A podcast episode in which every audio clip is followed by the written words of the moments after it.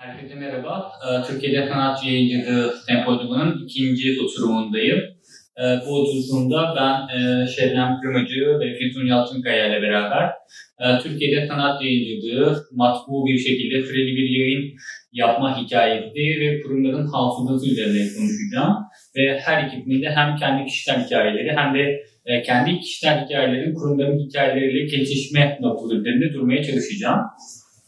Ee, ilk olarak e, aslında senin de başlamak istersen çünkü sanat dünyamız neredeyse 50 yıla yaklaşan bir serüven oldu ve bu 50 yıl içerisinde birçok sergi haberi çıktı, birçok sanat yazısı çıktı ve Türkiye'nin çağdaş sanat özellikle bağlamında da e, hafızasını ciddi anlamda e, sanat dünyamda karşılığını bulmak mümkün. E, biraz istersen e, kurumun hafızası bu 50 yıllık süreçte e, sanat dünyamda nasıl doğdu ve nasıl geldi? Ne, de, ne, ne tür editoryal değişiklikler oldu bunlardan bahsederek giriş yapalım istersen. Tamam. E, senin de dediğin gibi 50 yıl epey uzun bir süre. Elimden geldiği kadar bahsetmeye çalışacağım. Ee, sanat dünyamız 1974'te Yapı Kredi Yayınları tarafından çıkarılmaya başlanıyor. O tarihten beri de hala aynı yayın tarafından e, yayınlanıyor. Ee, 74'te çıktığında Türkiye'de aslında seninle de daha önce konuştuğumuz çok hareketli bir e, kültür ortamı canlanmaya henüz başlıyor. Böyle 71'den sonra hafif hafif hareketlenen, işte güzel sanatlar eğitim veren kurumların da artmasıyla birlikte e, çeşitli yayınlar e, kuruluyor. Bunlardan bir tanesi aslında sanat dünyamız. Dolayısıyla 74, işte 2024'te 50. yılını kutlayacak ama bu 2022, 2023, 2024 aslında birçok şeyin 50. yılı Türkiye'de. E, sanat dünyamızda o geleneğin aslında bir tür hem takipçisi hem de bir e, devamı gibi. Yani çıkış meselesi aslında biraz sanat tarihine dönük de bir yayın olması. O dönem hem ressamlarımız diye bir bölüm var mesela hem de daha böyle hani geçmişteki işte tarih, sanat tarihine dönük şeyler var. E, halk sanatları işleniyor, geleneksel sanatlar işleniyor. Bunlara dair yeni perspektifler getirilmeye çalışılıyor ama aynı zamanda akademik daha böyle e, hani bilgi veren bir yayın olması için de çabalanıyor. E, ben işte bugün buraya gelmeden önce bir almanağa baktım. Hem işte konularla e, konular dizinine baktım hem de yazarlar dizinine baktım. Gerçekten hani böyle her şey olmuş yani. Her şey yazılmış gibi. Hani John Cage'le Söyleşi'nin çevirisi de yayınlanmış. İşte e, ne bileyim Osman Osmanlı son demleri şey de var. E, hikayeleri de var filan. Bizim kütüphanemizden aldım bu arada. Yapı Kredi yayınlarının bu hemen Galatasaray'ın karşısındaki binasında güzel bir kütüphanesi var. Orada sanat dünyamızın hem bütün eski sayıları var hem de bu almanaklar vesaire bulunabiliyor. Ben kütüphaneden aldım, geri vereceğim. Öyle bir şey. Aynı zamanda dijital arşivde de bulunabiliyor diye biliyorum. Dijital arşivde tamam bulunamıyor. Yani o konuda şey yapamam. Çünkü gerçekten e, çok böyle büyük bir külliyat ve e, yayın evi de hani her şeyi dijitale aktaramıyor. Tabii. Açıkçası o konuda hani tavsiyem doğrudan kütüphaneye gitmek yönünde olur. E, sanat ilk çıktığında işte dediğim gibi hem sanat tarihi üzerinden hem de e, o dönemin ressamları üzerinden e, sanatçıları üzerinden ilerlemeye çalışıyor.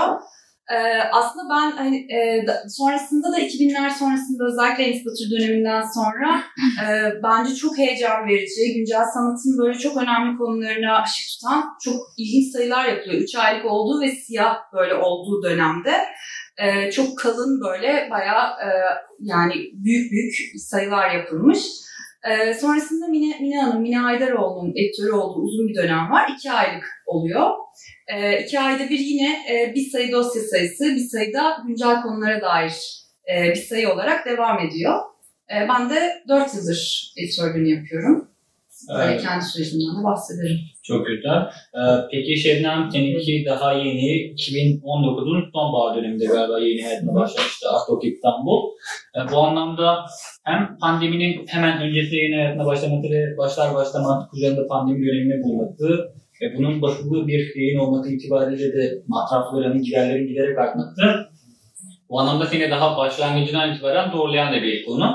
Hem seni Artdog İstanbul'u kurmaya, bu düşünceyi ortaya çıkarmaya yönlendiren hem de bu pandemi noktasında e, süreci belirleyen temel faktörler, etkenler neler oldu onlardan devam edelim zaten. Aslında Artdog İstanbul 2019'un Eylül'ünde evet ilk sayısı çıktı. İki aylık olarak kurgulandı ama e, benim için yeni değil, şöyle yeni değil. Ben çok uzun zamandır bir sanat ve kültür dergisi yapıyordum. Çok uzun zamandır da e, bu konuda habercilik yapıyorum. E, kültür sanat e, alanı, dergicilik ve gazetecilik. E, bunu planlamıştım sinsice çok yıllar evvel. E, master yaparken de tezimi Türkiye'deki en nitelikli dergilerin karşılaştırması olarak yazdım. Yani hep kafamda yani çok çok çok eski. Belki çocukken bile yapmak istediğim bir şeydi. E, tabii o kadar kolay olmadı. E, ana akım e, dergilerde, gazetelerde çalıştım.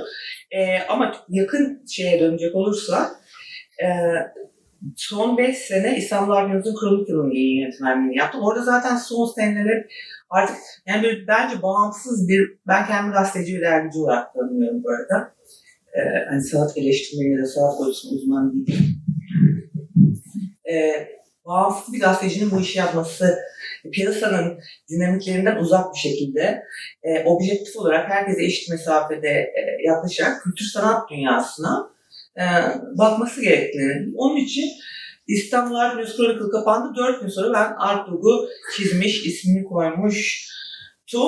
Ki büyük oyunculardan birine gidecektim. Koç ya da Eczacıbaşı gibi. Çünkü ben know koyabilirim ama e, e, şey belki olmazdı. E, onların hali hazırda dergisi var ama e, e, know koyabilirim ama bir finans e, imkanım yoktu.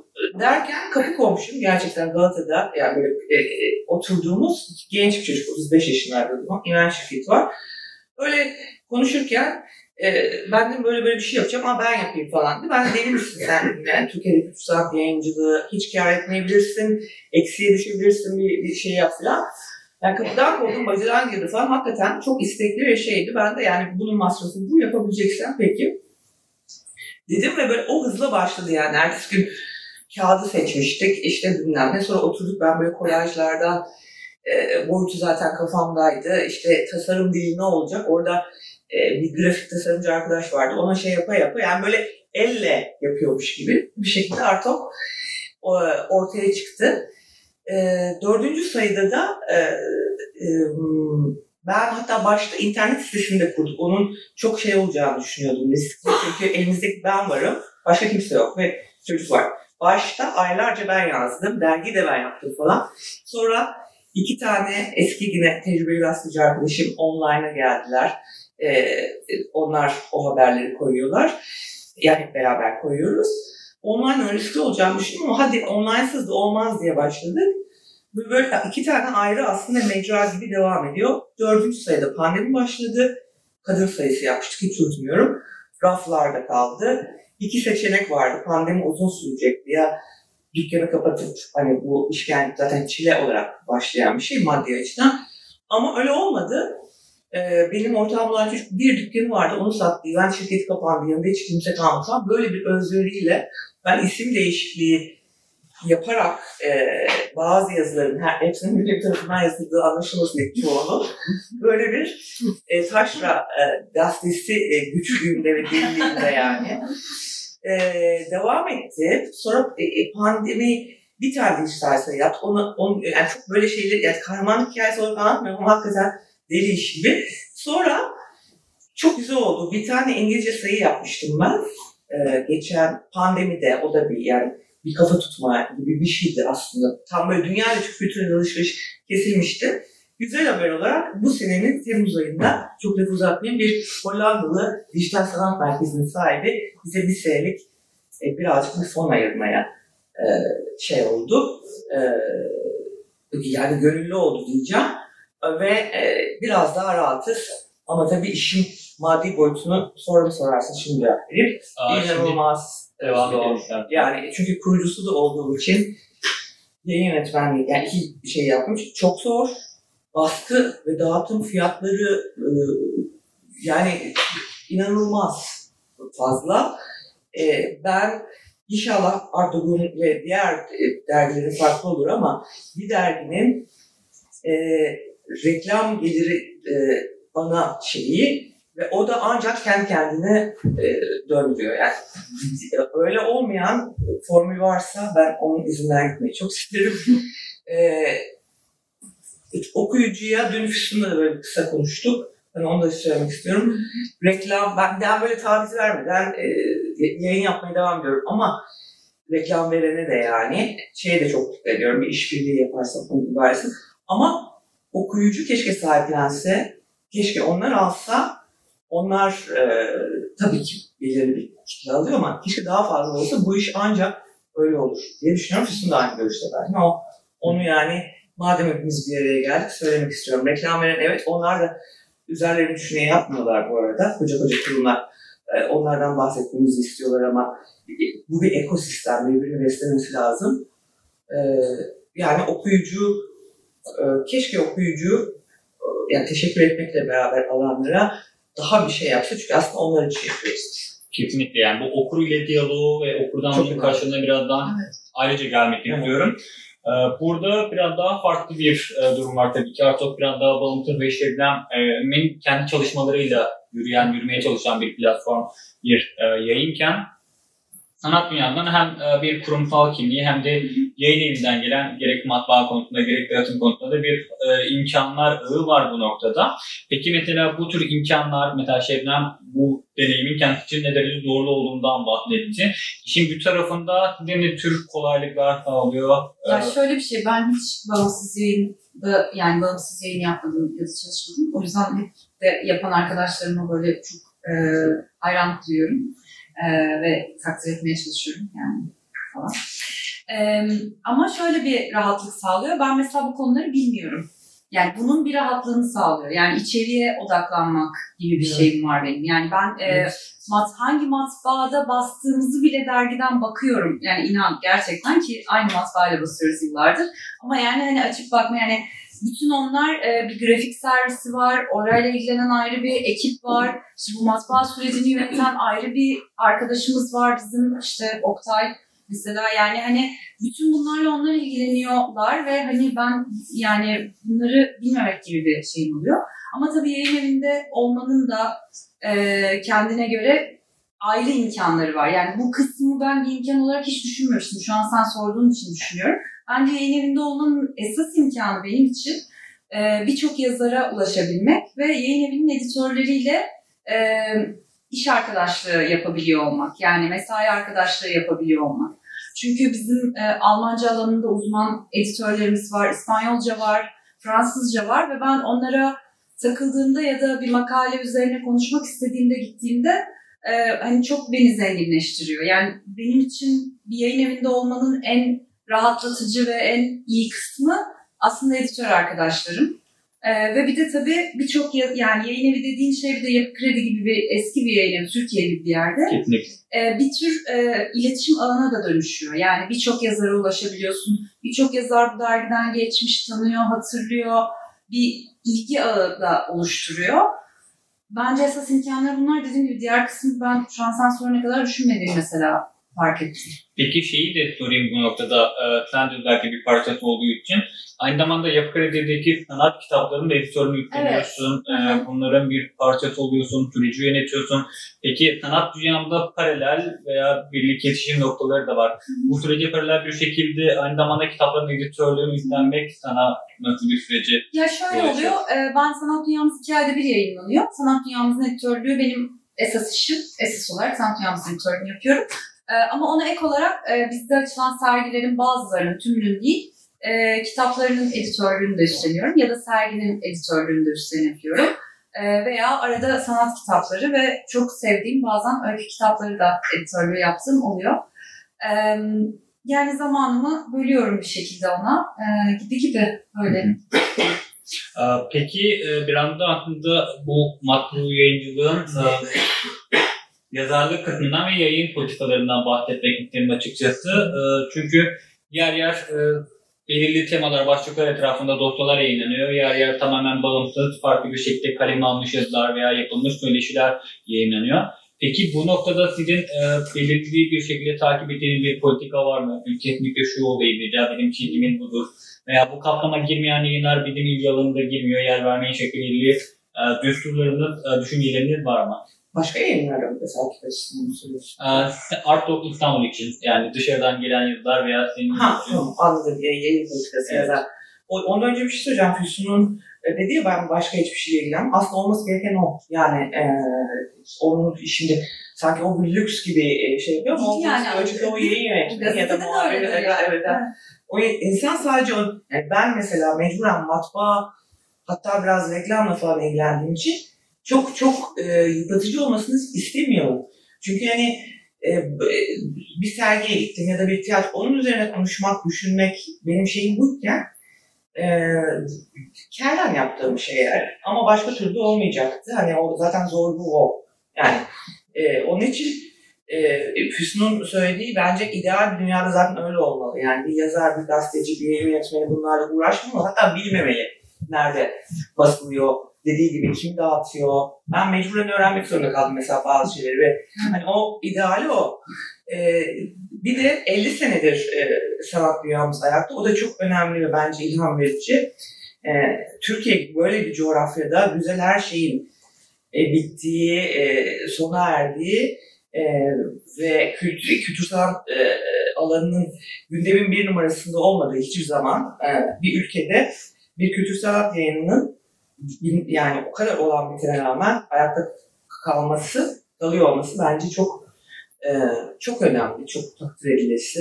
E, yazarlara gelince ben e, benim şöyle bir eğilimim var. Ben daha çok em, ben Artug'un e, 7'den 77'e herkesin anlayabileceği sade bir dille e, yazılmış yazılardan niteliksiz değil, niteliğini asla kaybetmeden e, olması hatta biraz keskin ve esprili de olabilir bir yayın politikası üzerine e, kurdum, kurduğumu umuyorum. E, yazarlar deyince benim için kaleminin iyi olması önemli. Bir de gazetecilik kökenli olması galiba e, benim e, daha tercih ettiğim bir şey. Yani e, o, tarz hatta giderek giderek giderek böyle daha tecrübeli eskiden e, tanıştığım gazeteci arkadaşlarım e, onların bulunmasını istiyorum. Benim Artuk'un yayın politikası daha dediğim gibi yani benim annem de anlasın 80 yaşında bir başka yani oradan o, o şey kimse uz- uzman olmak zorunda değil. Ben de o ruhla yaklaşıyorum ve e, sade ve ve point dediğimiz bir e, üslubu olsun istiyorum. Becerebildiğimiz kadar öyle yapıyoruz. Dün zaten bu konuyu biraz konuşmuştuk Evet. aslında. Bunda biraz sizin muhabirlikten veya bu tür bir anlayıştan gelmenizin ve daha önce çalıştığınız kurumların da etkisi var.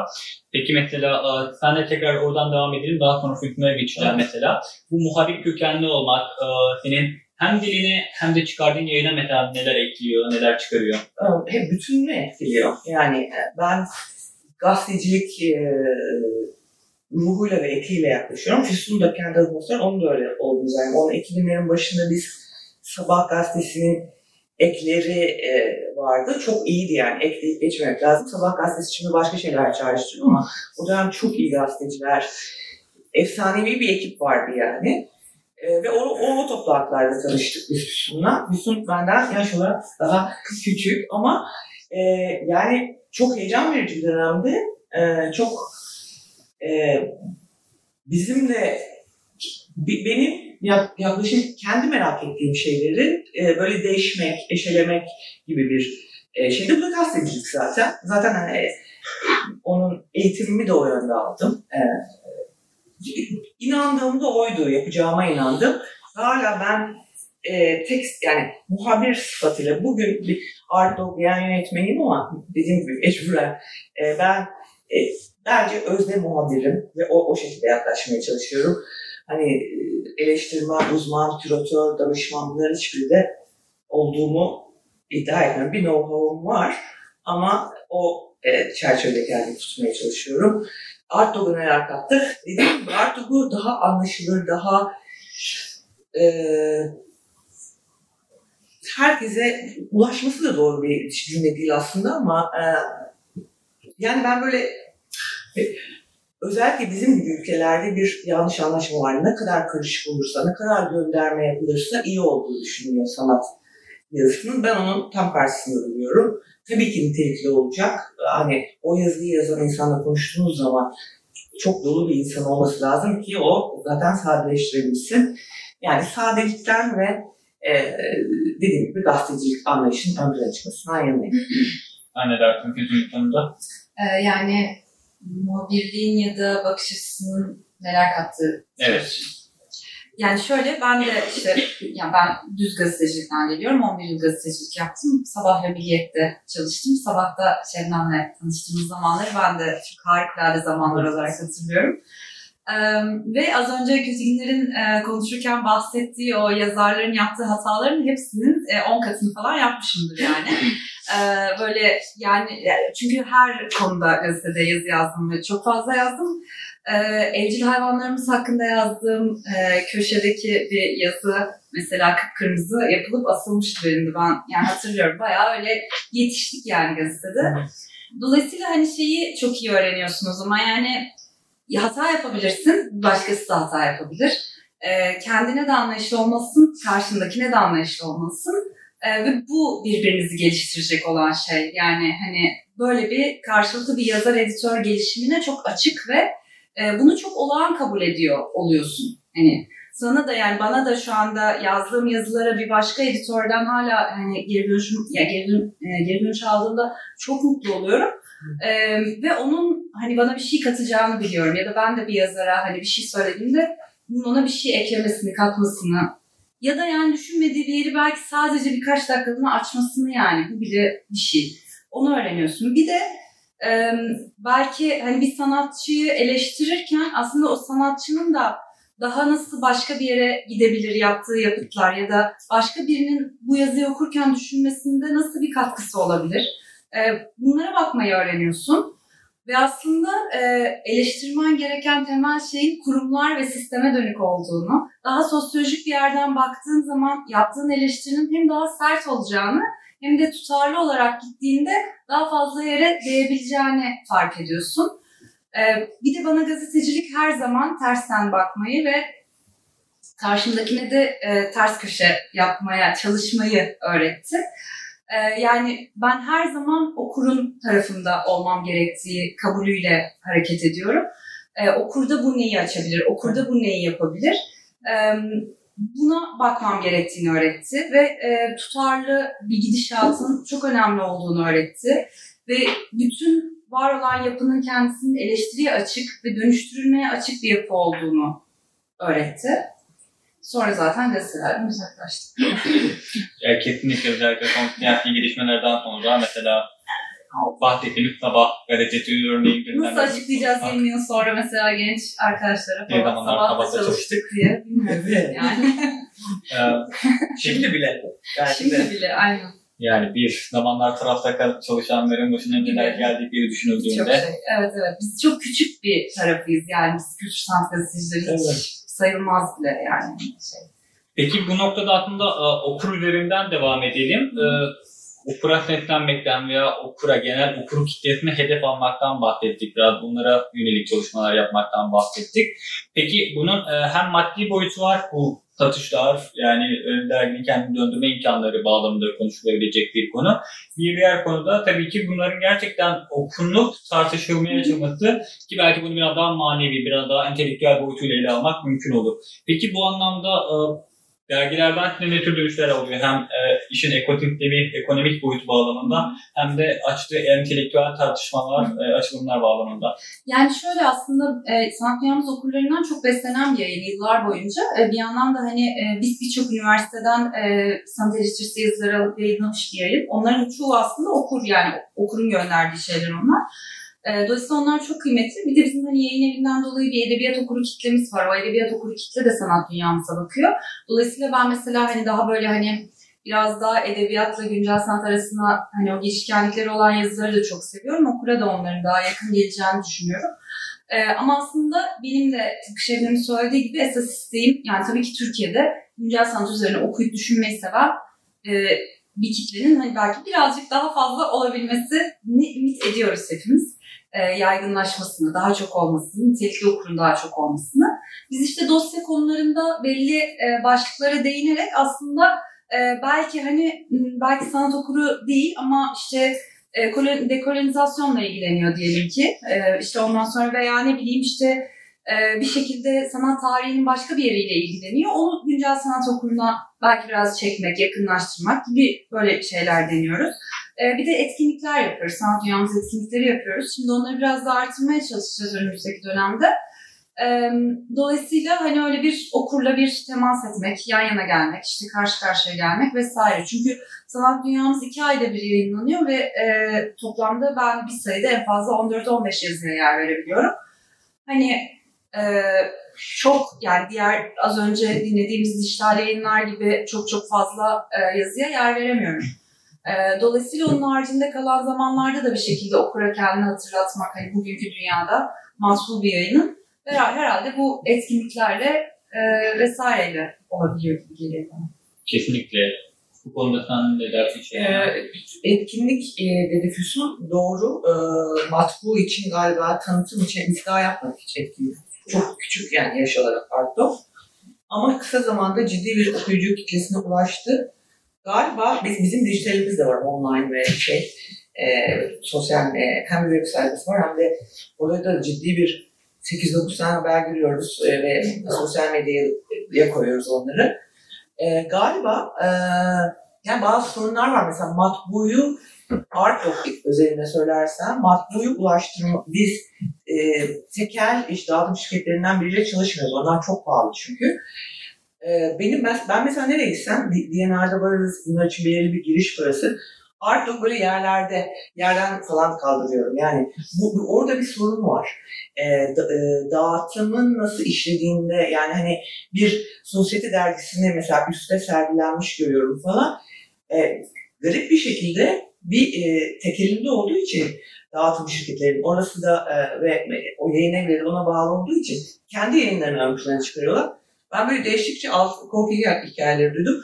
Depoda bekletmeler Art için değil ama diğer dergiler onun için gidip yani okurun bilmeyeni gözüne çarpması da çok olası değil. O bana sonra gidip her e, kitap eviyle konuş ya da bir adam gitsin o orana konuşsun falan gibi böyle şey o, işin o kısımları çok acıklı. Ee, ama artık kısa zamanda bir okuyucu kitlesini yakaladı. Galiba sosyal medyada daha genç bir e, e, şey var etkileşim ağı var. E, bence esas karakterini basılı yansıtıyor. Ben öyle düşünüyorum. Ben şu an web sayfasının tam karakterimizi yansıtmadığını düşünüyorum ama o da bir şey. E, yine de tabii üslubumuz var. E, ama sosyal medya gençleri daha küçük bir yaş grubunu şey yapıyor. E, basılı. Hatta Facebook'taki haber bile başka bir biraz daha üst bir yaş grubunu şey yapıyor. Biz e, event fırsatı oldu ama ben hiç girmedim içime e, e, şey yapan olmadı ama galiba bu yolda şunun dediği gibi event çok önemli. Yani bir bu dergiyi yapmak kadar insanlara ulaştırmak da baş başına bir iş. Kesinlikle görünür kılmak. Görünür kılmak ama orada da işte size anlattığım gibi çok engeller e, var. Yani onun marketingi önemli. Belki birinin çok hoşuna gidecek, hiç bilmiyor. Hani belki hiç şey istemiyorum çünkü 3-4 kişi için. Füsun da onu istemiyor biliyorum. Yani bir lise öğrencisi bir cümle okusa benim için kazanımdır. Zaten onun için yapıyoruz. Bir de bir şeyleri tarihe not düşmek için. Ee, keşke artsa ama işte artık biz, biz, bizim de çok büyük bir marketing bütçemiz falan yok. Billboardlarda falan. Hani sanat dünyamız o anlamda daha köklü. 50 seneye geride bırakmış ama e, yani hepimizin yönünden geçen kültür sanat izleyicisinin artması ama geri planda kalıyoruz. Peki bu noktada e, mesela şunu da merak ediyorum ayrıca. Ne kadar batılıyor ve ne kadarı gerçekten hani e, maddi olarak bilgiye dönüyor. Dergi kendini döndürebiliyor mesela. Adet olarak. Evet. Biz 10 bin basıyoruz. Ee, satış değişiyor. Ee, bir 500 kişi galiba bir liste var. Onlara gidiyor. Bir de biz Artog'un e, hesap biraz karışık çünkü yeni olduğu için, daha bebek olduğu için işte 2019'da e, tanınsın diye bir şeyin altına daha girdik. Kafelere ve sosyal buluşma yerlerine dağıtıyoruz. Ocak'tan itibaren yapmayacağız onu herhalde. E, kendini döndürüyor mu sorusu e, şey e, reklama bağlı bir şey. Yani ben bunun başka formülünü bilmiyorum. Bence bilmiyorum. Bütün yayınlar için aynı şey olabilir. Öyle öyle bence de bütün yayınlar yani, için. Türkiye'de ben şey... burada çok rakam bilmiyorum kendi. Şey, e, e, evet ben tam şu, şu diyemeyeceğim ama. Bize rakam şey yapmayın. E, pandemide bir azalttık çünkü pandemide e, daha az bastık. Ya, beş katı falan e, yani mesela pandemiyi sorun. E, matbaacı şeyi e, abla ben kağıt veremem sana ma- zam gelecek. Benim de çocuklarım var falan dedi yani. Öyle dönemler yaşadı. Gerçekten 5 katı, 6 katı, 7 katı bir haftada değişiyor. Şimdi mesela ben Ocak Şubat sayısını şey yapacağım. Bir aşağı yukarı bir fiyat alıyorlar ama eminim bir hafta sonra o fiyat e, daha da şey olacak. Bu çok bu haksızlık yani. E, bu e, haksızlık olarak düşünüyorum okuyucuya e, en başta. E, reklama bağlı. Bu işin maliyeti çok. Zaten onun için e, Türkiye'de yani en son düşündüğüm şey bu e, ben onu bir heves olarak kurmadım. Uzun süre yaşaması e, için ve bu, orada her şeyi göze aldığım için kurdum ama e, e, maliyetler korkunç diye bir, yani e, deli işi. Yani aşağı yukarı e, matbaayla veya Batı'nın yayında uğraşan veya kitaplarla tanışan kişilerde zaten Evet. e, kağıt kredinden işte matbaadaki problemlerden Evet. haberdardır ve bunun Evet. her geçen gün işte gerek ekonomik nedenlerle gerek dünyadaki belirli krediler dolayısıyla artanın da farkındadır Evet. mesela.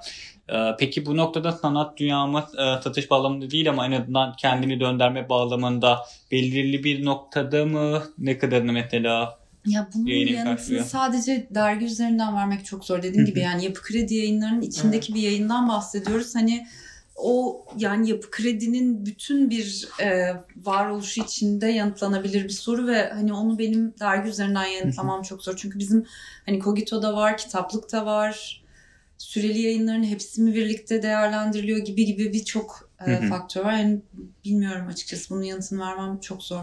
Yani maddi konularda Hı hı. yanıt veremiyorum. bilmiyorum. Peki sanat dünyamızın arka planında nasıl bir editoryal Ha. ekip var? Nasıl işliyor? Ondan bahsedebilirim. şey, e, editoryal ekip derken ben editörüyüm ama işte az önce bahsettiğim gibi bütün yayın evindeki diğer editör arkadaşlarıma e, her zaman gidiyorum. E, ondan sonra onlarla birlikte çalışmaktan çok zevk alıyorum. E, bir de e, sanat dünyamızın yayın danışmanları var. E, bu yayın danışmanları ben dergiye 4 yıl önce başladığım zaman e, çok uzunca bir süredir e, varlardı. E, ben de buna bir değişiklik getirmek istedim. E, iki yılda bir değiştireceğimiz e, bir yayın danışmanı grubu olsun istedim. E, bu yayın danışmanlarımızla birlikte e, dosya konularını belirliyoruz aslında ve dosya konularına neler olabilecek e, buna bakmaya çalışıyoruz. Şimdi ilk yayın danışmanı grubumuzla 6 sayı yaptık. Yani 2 yılda toplam 12 sayı yapılıyor. Bunun 6 tanesi güncel sayı, işte 6 tanesi de dosya sayısı. E, ve bence bir- birçok güzel dosya konusuna değinmiş olduk. İşte müzeciliğe değindik, mesafe konusuna değindik pandemi sonrası. E, işte anıt heykellerin düşmesi konusundan, e, Black Lives Matter hareketinden işte dekolonizasyon konusuna değindik. E, şu an Ocak-Şubat sayısı için kesişimsel feminizm ve sanat konulu bir dosya hazırlıyoruz. E, dosya konuları bana da çok heyecan veriyor. Çünkü her dosya konusunda ben de bayağı uzun araştırma yapmam gerekiyor. Hani o alanda yayınlanmış başka ne gibi yazılar var? E, onlara alternatif yeni bir yazı ne üretilebilir gibi. E, daha çok siparişle e, yani sipariş yazıyla ilerliyoruz. E, ama şeye de çok açığım yani bazen mesela hani m, de- demin de bahsedildi hani bağlamsız hani bir yazı geliyor mesela yani Kültigine tamamen katılıyorum ama bazen öyle bir yazı geliyor ki hani evet hakikaten hiçbir bağlam yok ama ben diyorum ki ya bu yazı bir kenarda dursa olur mu diyorum yazarına. Çünkü hani ben bunu bir dosyada kullanabilirim. Bazen öyle şeyler geliyor ya da biliyorum mesela o araştırmacının bu konuya eğildiğini ya da daha öncesinde bu konuda bir araştırması olduğunu doğrudan ona gidiyorum. Biz böyle bir dosya hazırlıyoruz ve katkıda bulunmak ister misin diye. E, Dolayısıyla orada bayağı bir araştırma süreci devreye giriyor. Çünkü yani e, ancak o şekilde mümkün. E, güncel e, sayılarda da yani e, daha çok işte yazarlardan da öneri alıyoruz. Yine onda da gene sipariş yoluyla hani şunu yazmak ister misin, bununla ilgilenir misin gibi. Çünkü dediğim gibi yani az önce konuşulan dijital yayınlardan farklı olarak biz matbu yayınlarda çok daha az yazıya yer verebiliyoruz. Dolayısıyla o hani seçicilik ve eleme meselesi biraz daha sıkı olmak mecburiyetinde. Kesinlikle. Evet. Peki mesela Artdog'un arkasında nasıl bir ekip var? Kimler var? Ee, ben varım yayın yönetmeni olarak. Ee, iki arkadaşımız e, online'da sadece online'a bakıyor onlar. E, işte oradan e, dış kaynaklı e, dış kaynak çok kullanıyoruz biz diyeyim. Hani şeyde de dünyada olan e, kültür sanat alanındaki gelişmeleri ve tabii ki burası. E, bir, e, ben dışarıdan alıyordum. E, bundan iki ay, sadece ben vardım yani basılı için. Dışarıdan yazılar geliyordu. E, dedim ya işte böyle bir taşla gazetesi falan. Sonra şimdi e, bana yine eski bir e, tecrübeli bir arkadaşım yardım ediyor son iki aydır ama kadroda değil ama işte yazıların toparlanması, okunması vesaire. E, çok yeni olarak da bir hafta önce e, yaşı genç ama çok e, tatlı, o da gazetecilik etkinliğinden gelen bir arkadaş başladı. E, yani tasarımcımız var, o başka bir gazeteci, gazetenin tasarımcısı. Bize iki ayda bir yapıyor. E, bir de sosyal medyada biz görseli ve şeyi yazıyı yolladığımızda onu tasarımlaştıran bir sosyal medya iki kişilik bir ekip var. Onun dışında e, bütün şey dışarıda. E, yaz, yazıları dışarıdan alıyorum. Yani aslında ne kadar azmış şu anda şimdi size söylerken fark ettim ama öyle. Ee, Fütün aklım daha bir noktaya da getirdi konuyu. Az önce e, bu dosya belirlemesi mesela bu bence de üzerinde durması gereken. Kimi dosyalar kendi doğallığı içerisine geliyor. İşte 100. yılı, 50. yılı gibi veya o yıl özel bir konu olmuştur. Ancak bunun haricinde de e, gayet editoryal seçimlerin de belirli kavramlara, metinlere odaklanmanıza imkan sağlayan konular da var. Mesela bu konulara, bu dosyalara nasıl karar veriyorsunuz ve nasıl bir hani çalışma yürütüyorsunuz? Dışarıdan gelen yazılarla mı yok da sen de oradan sipariş mi ediyorsun? Nasıl işletiyorsun sistemi? Ee, biz aslında yani güncel eğilimler üzerinden dosya konularını yayın danışmanlarımızla beraber seçiyoruz. Ee, son yayın danışmanlarımız Zeyno Pekünlü, Hera Büyüktaşçıyan, Güven Turan, Mine Haydaroğlu, Kevser Güler ve e, çok çok severek anacağım Fulya Erdemci'ydi. Ee, öyle bir durdum. Ee, şey Onlarla birlikte seçiyoruz ve e, güncel e, eğilimler neyse aslında onlara bakmaya çalışarak seçiyoruz. Dediğim gibi mesafe konusu mesela sevgili Hera'nın önerisiydi ve aslında pandemi sürecinde de biraz e, şekillenmişti. Yani pandemi sürecinin etkisiyle şekillenmişti. Ya da e, toplum odaklı sanat pratikleri konulu bir arada olmak diye bir dosya yaptık. O da yine bu dokumentanın eğilimi, işte manifestanın eğilimi e, ve toplum odaklı sanat projelerinin bu yılki İstanbul Bienalinde de e, çok öne çıkmasıyla birlikte hani bu alandaki projelere bakma ihtiyacıyla ortaya çıkmıştı. E, yani güncel olarak sanatın konusu neyse ona bakıp oradan çıkarmaya çalışıyoruz dediğim gibi. Peki yazarları belirleme konusunda Yazarları belirleme konusunda da dediğim gibi bayağı bildiğin tez araştırması, işte makale araştırması yapıp Sonra mesela bir yazar mesela fark ediyorum ki bu son sayıda öyle bir yazar arkadaşımız var. Ee, daha önce aslında bu konuda bir yazı yazmış. Fakat başka bir yerden ele alırsa katkısının çok iyi olabileceğini düşünüyorum. Doğrudan ona gidiyorum mesela. Ya da bu alanda çalıştığını, yazdığını, çizdiğini bildiğim e, bir akademisyene gidiyorum ve diyorum ki acaba böyle bir şey yapmak ister misin gibi. Yani böyle bir geniş bir araştırma, işte aynı zamanda yayın danışmanlarının kendi e, getirdikleri bir ağ üzerinden işte şu isim olabilir, bu isim olabilir gibi. E, bir yandan da şeyde açıklığımız var dediğim gibi her zaman zaten dosya yani öneriye de her zaman açıklığımız var. E, böyle. Zaten bu yazar belirleme süreci de kendi içerisinde büyük bir araştırmayı senin için getiriyor. Sürüyor. Evet aynen öyle. O bayağı uzun sürüyor. Bazen mesela bu alanda çalışan birileriyle söyleşi de yapabiliyoruz. Ee, bu şekilde. Hı hı. Sen nasıl çalışıyorsun bu konuda? E, dosya konusu yani ofisin dediği gibi o e, hayatın akışında ortaya çıkıyor zaten. Ben e, son 6-7 sayıdır devam eden mesela artık herkes küratör bir dosya konusu var bizde. O da şeyden çıktı yani ben bir kafede e, bir salata istedim. İşte salata bilmem ne şef tarafından kürete edilmiştir falan bir şey yazıyordu ve o dönemde her kez gerçekten yani böyle e, yaşı genç insanlar yani böyle bir küratör lafı bizde var ama e, içini boşalttığımız kavramlar ve böyle dönem dönem şey oluyor. E, ben de yani işte arkadaşlarla konuştum düşüne neden yani herkes küratör biz bir daha bir emek ver ya daha hmm, kıdemli e, insanlara bir soralım bakalım küratör nedir dedik. O e, hatasıyla sevabıyla işte sorabildiğimiz kadar insanlara sorduk. 6-7 sayıdır o devam ediyor. E, dosya konusu deyince aklıma güncel olarak gelen o yani tamamen hayatın akışında birazcık sezgilerle olan e, bir, e, nefes alamıyoruz diye bir sayı yapmıştık. Mesela şeyin öldürüldüğü e, zaman e, neydi? E, Derek Chauvin şu polis memuru e, şey çok eskiye gidiyorum biraz. E, Amerikan. Ha, Evet. onu öldürdüğü zaman.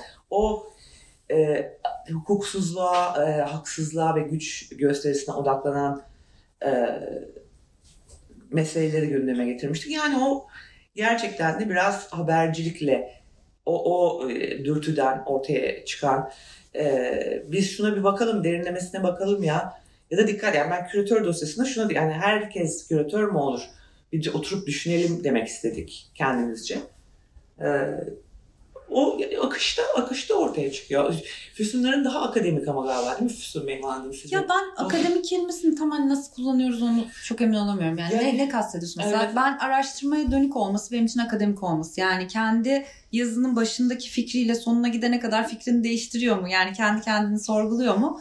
O benim için akademik demek. Ama doğrudan akademisyenlerden sadece mi alırız? Asla. Yani tam tersi Değil, ben evet. bağımsız araştırmacıları e, yer vermekten çok mutluluk duyuyorum. Hani öyle bir şey. Ama evet yani bir sorgulama içermesi Yani ise konusunun uzmanı ama zaten dosya konuları gibi. onu Evet evet. içeriyor. Tabii, tabii, o, içeriyor. O, o sıfatı Hı sahip olması lazım insanın. Bir de tabii do- dosya Yani dos- dosyasına göre tabii çeviri değişir, evet. de oluyor. Çeviri e, yazılara da yer veriyoruz.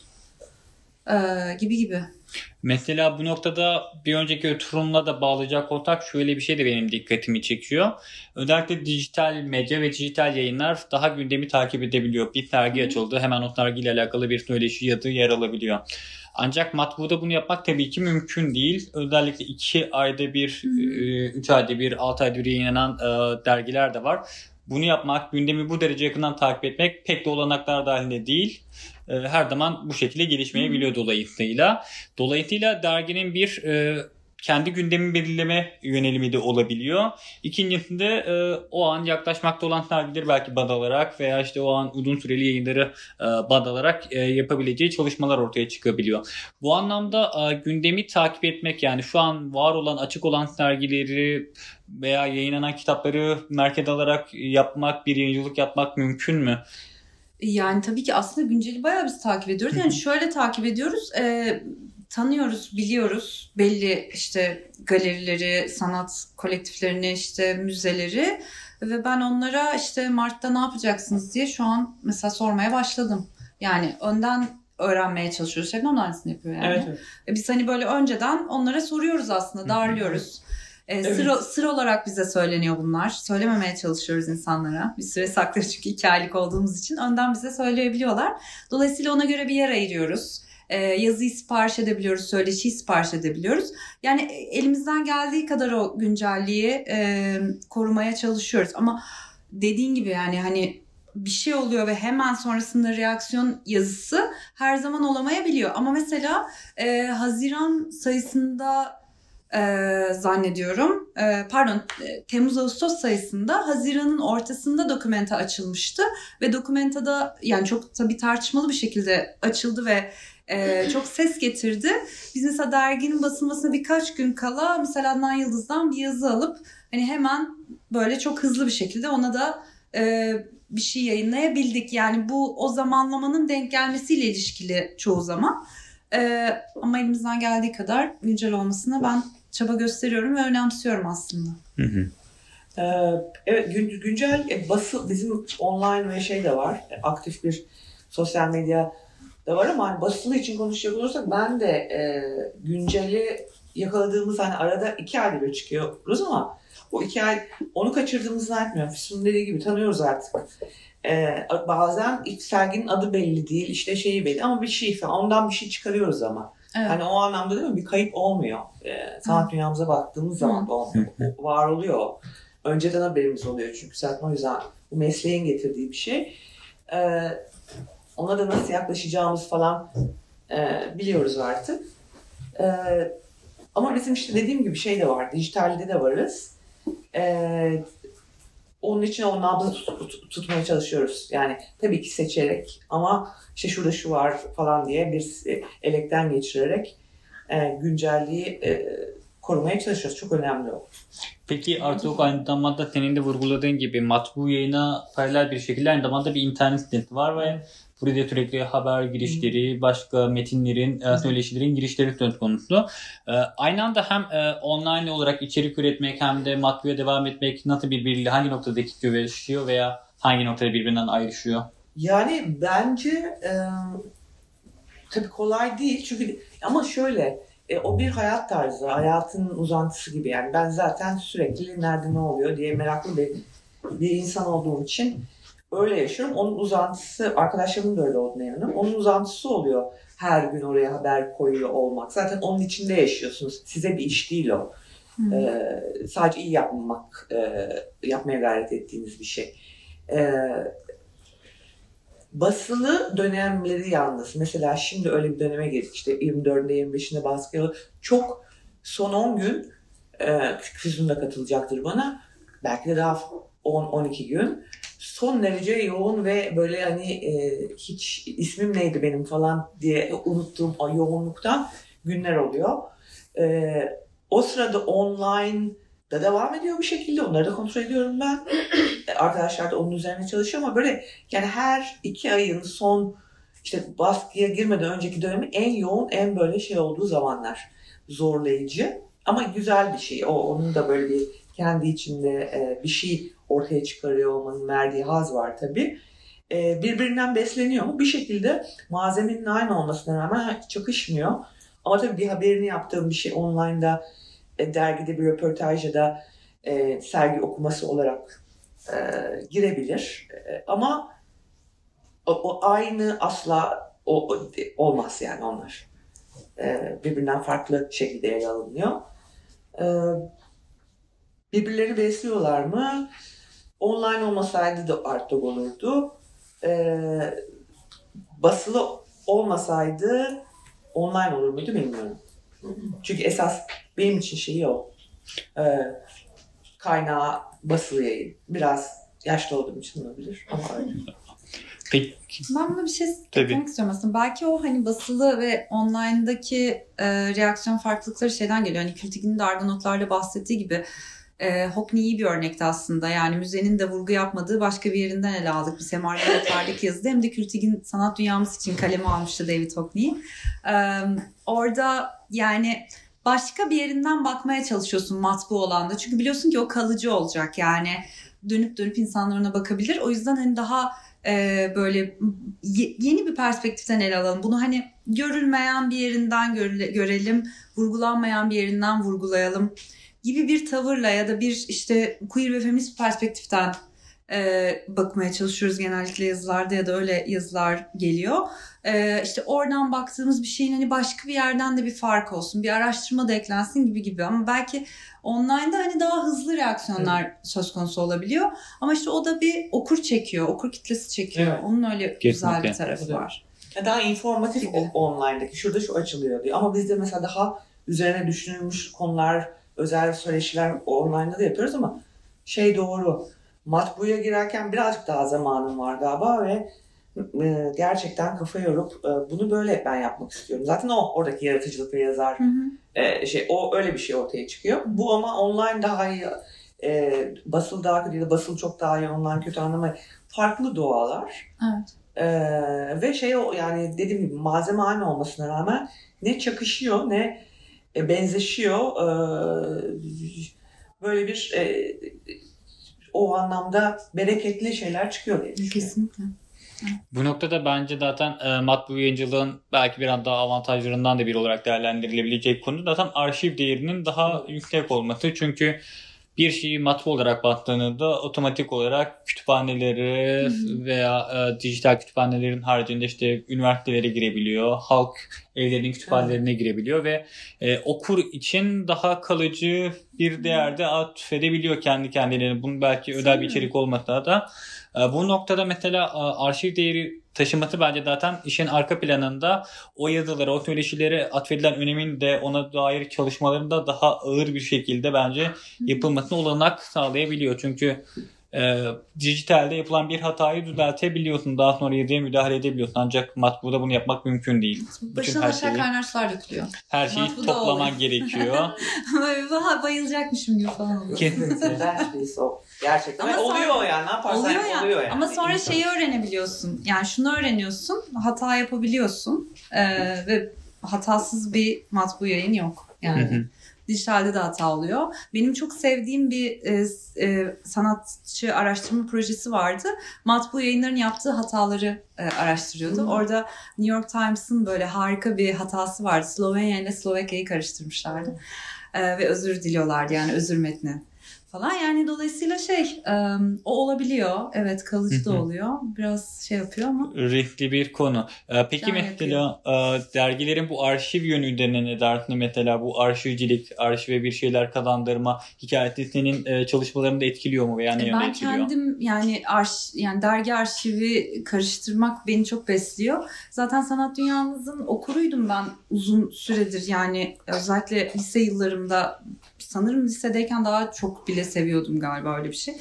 Ee, sanat dünyamızla ilgili olarak Mine Hanım'ın emekliliğine sonrasında bana teklif geldi.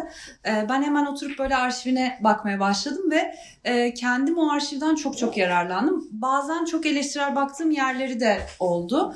Bence o arşivin bize gösterdiği şey hem o dönem Türkiye'deki ya da işte hani neyse o yayının konusu neresiyse hangi coğrafyaysa e, oraya dair eğilimleri görebiliyorsun e, oraya dair bir izlenimin oluşuyor. Bir de elini alıp karıştırdığında yani gerçekten hani e, daha farklı bir etkisi oluyor sanırım.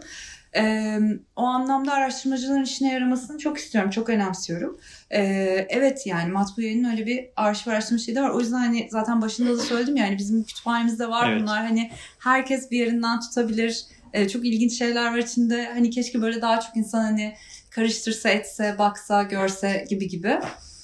Ee, bir yandan da arşivin şöyle bir anlamı var bugünkü dünyada belki şu an hani müzelerin ve var olan arşivlerin işte bu batı merkezli ya da işte belli eğilimler doğrultusunda gelişmiş ve hazırlanmış bitirilmiş olan arşivlerin e, tamamen yeniden ele alındığı, yeniden sorgulandığı ve böyle aslında alaşağı edildiği bir dönemden geçiyoruz. Bence bu çok heyecan verici bir dönem. Yani bütün var olan arşivlere şu anda bizim hepimizin yeni perspektiflerden, yeni teorilerden bakabilmesi için imkan tanıyan harika bir dönemdeyiz aslında. O yüzden de arşiv bence anlamlı. Yani eleştirmek için kullandığımızda arşiv bugün daha anlamlı. Kesinlikle. Gibi bir şey söyleyebilirim sanırım. Örnekleyebilirim ama uzatmak istemiyorum ama gerçekten yani arşiv bugün bizim için yeni arşivler oluştururken nelere dikkat etmeliyiz? Neleri dışarıda bırakırken neleri e, daha merkezde tutmanın nasıl bir anlam değişikliğine yol açtığını görebilmemiz açısından birçok örnekle dolu bir dünyada yeni imkanlar sağlıyor diye düşünüyorum. Kesinlikle burada şöyle de bir mesele var zaten. İşte geçen oturumda da biraz konuşmuştuk. Bir site kapandığında bütün her şey bir anda uçabiliyor. Ha, Ancak evet. e, matbu yayınlarda en azından işte kütüphanelere girmenin, işte arşiv değeri taşımanın böyle de bir avantajı ve kalıcılığı oluyor. Bu anlamda da bence çok kıymetli. Evet.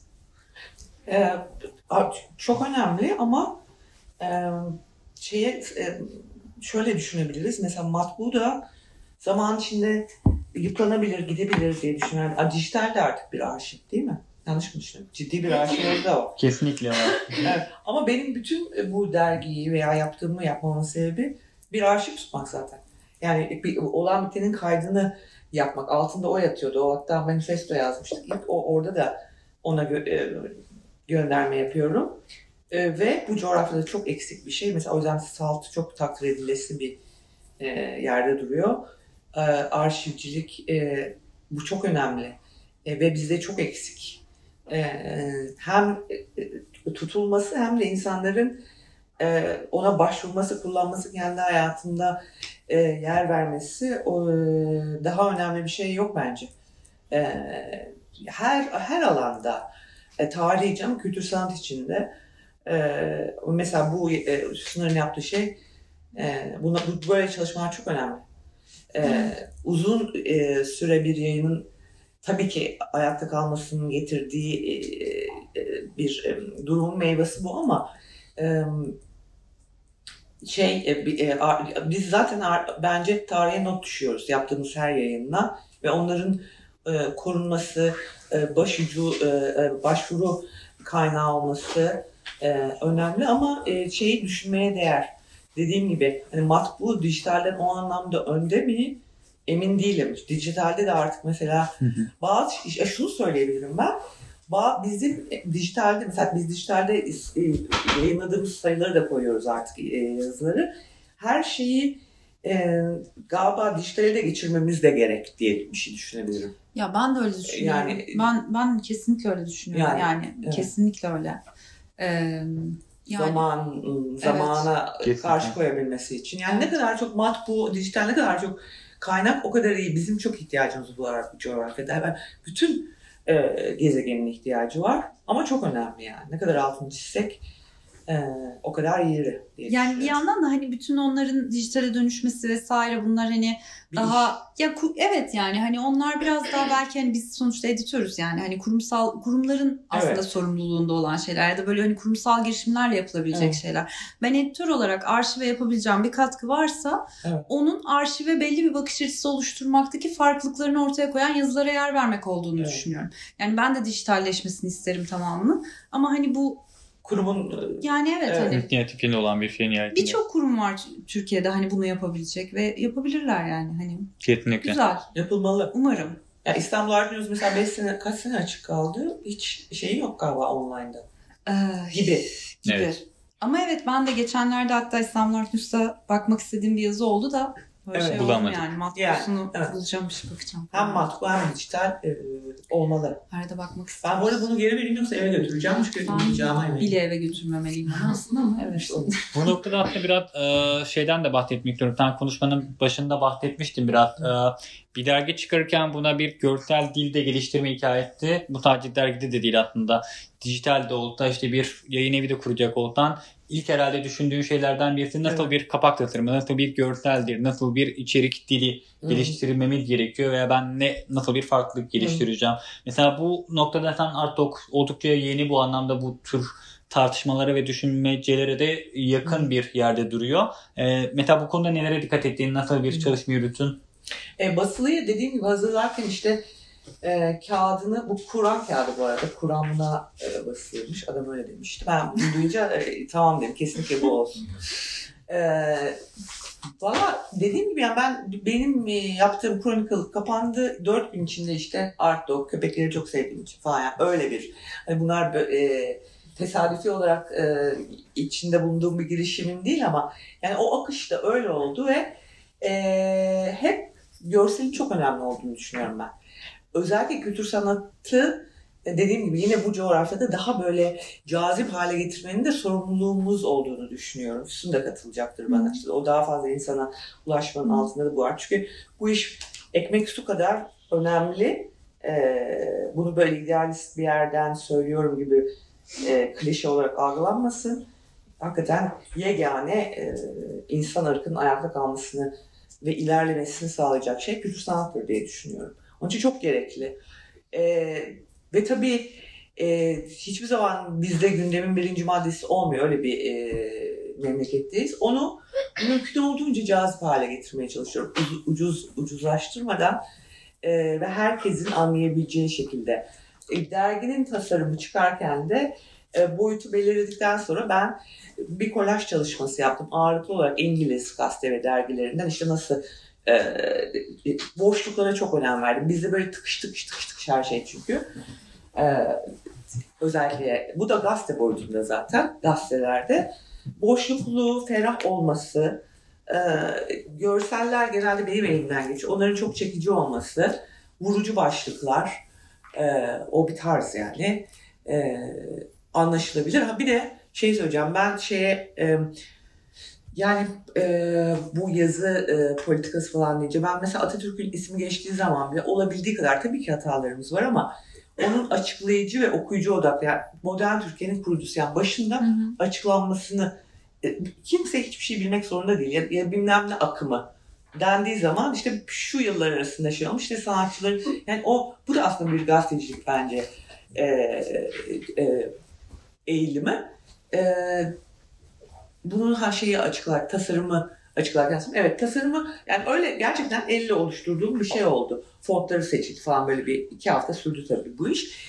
E, şey e, bana cazip gelen ya da o, e, sonuçta e, kültür sanat yayını olacağı için e, o ruhu yansıtabilen bir tasarım anlayışıyla geliştirdik. E, ama orada profesyonel tasarım ekibi falan yoktu yani dediğim gibi oldu. Online içinde online at, as, açıldığı gün e, o, çıksın diye benim işte o finans e, konusunda bana yardım eden arkadaş ısrar etti. Ben emin değildim. O da böyle elle yaptığımız işte o dönem genç çocuklar vardı güvenlik şirketinde. O şöyle olsun konular bunlar yani böyle elle belirlediğimiz elle yaptığımız bir şey oldu. Ama ben mesela online'ın bir tık daha profesyonel, çünkü ondan anlamam ben. Bas, e, profesyonel bir art dog ruhunu yansıtması için biraz daha üzerine çalışılması gerektiğini düşünüyorum. İçeriği çok ciddiye alınıyor. Çok fazla haber yapılıyor ama tasarım dili olarak orada da e, o, o işin uzmanlarının bir dokunuşu olsa fena olmaz diye düşünüyorum. Ama tabii bütünüyle şey çok önemli. Görsel dil bu işin çok önemli, ayrılmaz bir parça. En önemli ayaklarından Evet. birisi. Kesinlikle. Peki sanat dünyamız zaten e, senden önceki süreçte de bir görsel dili halihazırda Hala vardı. hazırda bir tasarım var ya Esans Hanım burada değil şu anda aramızda ama az önce evet çıktı. Ee, onun hazırladığı tasarımla sanat dünyamız çıkıyor uzun süredir. Yani tasarım şeyi. e, çok harika bir grafikerimiz var. Ee, İlknur. Ee, o müthiş bir görsel hafızası ve böyle şeyi var. Ee, onunla birlikte ilerliyoruz genelde. Ama zaten sanat dünyamızın kendi dilinde e, görsel ağırlık veren bir dil var. Ee, yani ben de kesinlikle Şebnem'e katılıyorum. Hani yani çok çok önemli. E, peki bu noktada sanat dünyamız 50 yıldır aynı görsel dil üzerine Yok değil. geniş- Değişiyor, değişiyor. Mesela son değişiklik ne zaman oldu veya sen değişiyor. Ee, çok Nasıl yani böyle hani temelden değişim işte şu siyah rengin beyaza dönmesi işte ya da boyutunun değişmesi gibi değişiklikler. Ama onun haricinde hani var olan akımlar neyse ona göre aslında şekilleniyor ve değişiyor gibi. Ya bu anlamda zaten bu yıl çıkmış bir derginin de Evet. süreç içerisinde kendini Evet. yenilemesi, farklı şeylere açık olması işte dediğin gibi boyut, Aynen. kağıt, Evet. içerik önemli bir yerde duruyor. Bir yandan da hani şey okur da şey istiyor yani bunun hani böyle alıştığı gibi olması. Hani o da öyle bir şey. Öyle. Çünkü okur olarak aslında biraz şey de var kütüphanede yan yana koyduğunda e, Yani çok güzel herhalde duruyor. iyi duruyor arka planda. Ben öyle. Peki bu noktada e, şey de sormak istiyorum aslında. E, bu dergilerin sosyal medyayı kullanma biçimleri, e, tanıtımlarını yapmak hani dosyada neler var, bu derginin içerisinde neler var. Ya bu anlamda sanat dünyası mesela nasıl bir sosyal medya kullanıyor mu, nasıl Bizim kullanıyor? evet kullanıyoruz. Bir sosyal medya ekibimiz var arkadaşlarım. Ee, onlar e, yapıyorlar. Ee, ondan sonra dergideki içerikleri biz tanıtmak için kullanıyoruz daha çok sosyal medyayı. Çok aktif değiliz sosyal medyada ama daha çok dergide ne olduğunu tanıtmak için. Bir de biz pandemi döneminde sosyal medyadan yani Instagram'dan böyle söyleşiler yaptık vesaire. Ee, orada çok kullandık yoğun bir şekilde. Yapı Kredi yayınlarının kendi sosyal medyasını da kullanıyoruz zaman zaman dergi için. Ya da Yapı Kredi Kültür Sanat'ın e, sosyal medyasını kullanıyoruz dergi için. E, dediğim gibi yani etkinlikler düzenliyoruz. Da derginin içeriğini tanıtıyoruz ve hatırlatıyoruz insanlara aslında. Bir de bizim aslında eski sayılarımız da satın alınabiliyor, hala okunabiliyor, bakılabiliyor. Sosyal medyayı biraz onu hatırlatmak için de kullanmak güzel olabiliyor. E, dediğim gibi bizim bir haber verme şeyimiz öyle bir e, alanımız yok. Kesin. E, ama e, zaten var olan içerikler bir noktada haber niteliği de taşıyabiliyor zaman zaman. Yani sizin zaten aynı zamanda internetleriniz de olduğu için evet. belki sosyal medya ile iletişiminiz daha farklı da olabilir bu noktada. Evet evet bizim web sitemiz var. Oraya her gün işte 8-9 haber girmeye çalışıyoruz. Onlar daha sonra Instagram'da, Facebook'ta, Twitter'da eee, ve hatta LinkedIn'de şimdi o yayınlanıyor. Öyle bir süreçten. Ama hepsinin kendi içinde bir şeyi var. Mesela Instagram'a yazarken hashtagleri, tagleri, Twitter'a yazarken belirli bir karakteri. Orada onu bir uygulamacı ekip var. Eee, onlar yapıyor. Biz hem dergi çıktığı zaman derginin içeriklerini koyuyoruz. Ama onun dışında da zaten e, ciddi bir akış var her gün yenilenen. E, e, informatif ve e, dediğim gibi zaman zaman özel söyleşilere yer veren çok fazla yabancı kaynaklı haber kullanıyoruz. Onu önemsiyorum ben. Yani orası kendi içinde aslında bir e, bir ikinci art dog da oradan yürüyor tabii aynı şeyle. E, Paralel. per- per- evet, evet. Ben Şey olarak. Hı hı. son soruma geçeceğim. Birazdan izleyicilerde de sorular varsa alabilirim. E, Mesela son olarak e, dışarıdan yazarlara yazılara açık mısınız? Bunlar ne tür bir elemeden geçiyor mesela bunu? Tabii ben yani sipariş dedim ama aslında dışarıdan Hı hı. yazıları da çok açığız yani. Tabii ki sürekli olarak geliyor zaten. Bir de ben şeyi de çok seviyorum yani dışarıdan birilerinin bana hani yeni yazarlar önermesini ya da yazarların kendilerinin yazı göndermesini ve o şekilde e, birileriyle iletişime geçmeyi, tanışmayı, onlara daha sonra yeniden dergide yer vermeyi. E, dolayısıyla e, yani dışarıdan yazıya çok açığız ve çok değer veriyoruz aslında. E, sadece bazen onlara hayır derken benim tek kriterim e, iki aylık bir yayın olduğumuz için bazen mesela serginin üzerinden aylar geçmiş oluyor ve artık bir daha doğrusu benim onu yayınlayacağım zaman aylar geçmiş olacak oluyor. E, ben o zaman yazara o konuda hani şey diyorum hani isterseniz bunu da dijital bir yayına öner, önermeyi düşünürseniz hani lütfen şey yapın çünkü hani biz bunu yayınlayana kadar üzerinden hani böyle bir zaman geçmek durumunda. E, onun gibi takım şeyler oluyor. Daha işte Manifold'da ve Argonaut'larda ve Artful Living'de belirttikleri şeylere tabii ki biz de e, aynı şekilde yani dikkat ediyoruz.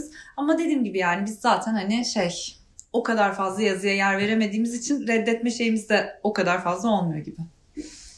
Ee, Biz de, biz de açığız ama tabii onun devamlılığı olmasının e, kıymeti var. E, ben biraz şeyde dikkat ediyorum açıkçası. Yazıyla ili- uzun süredir ilişkisi olan insanların e, mesela özellikle bir konu veriyorsam e,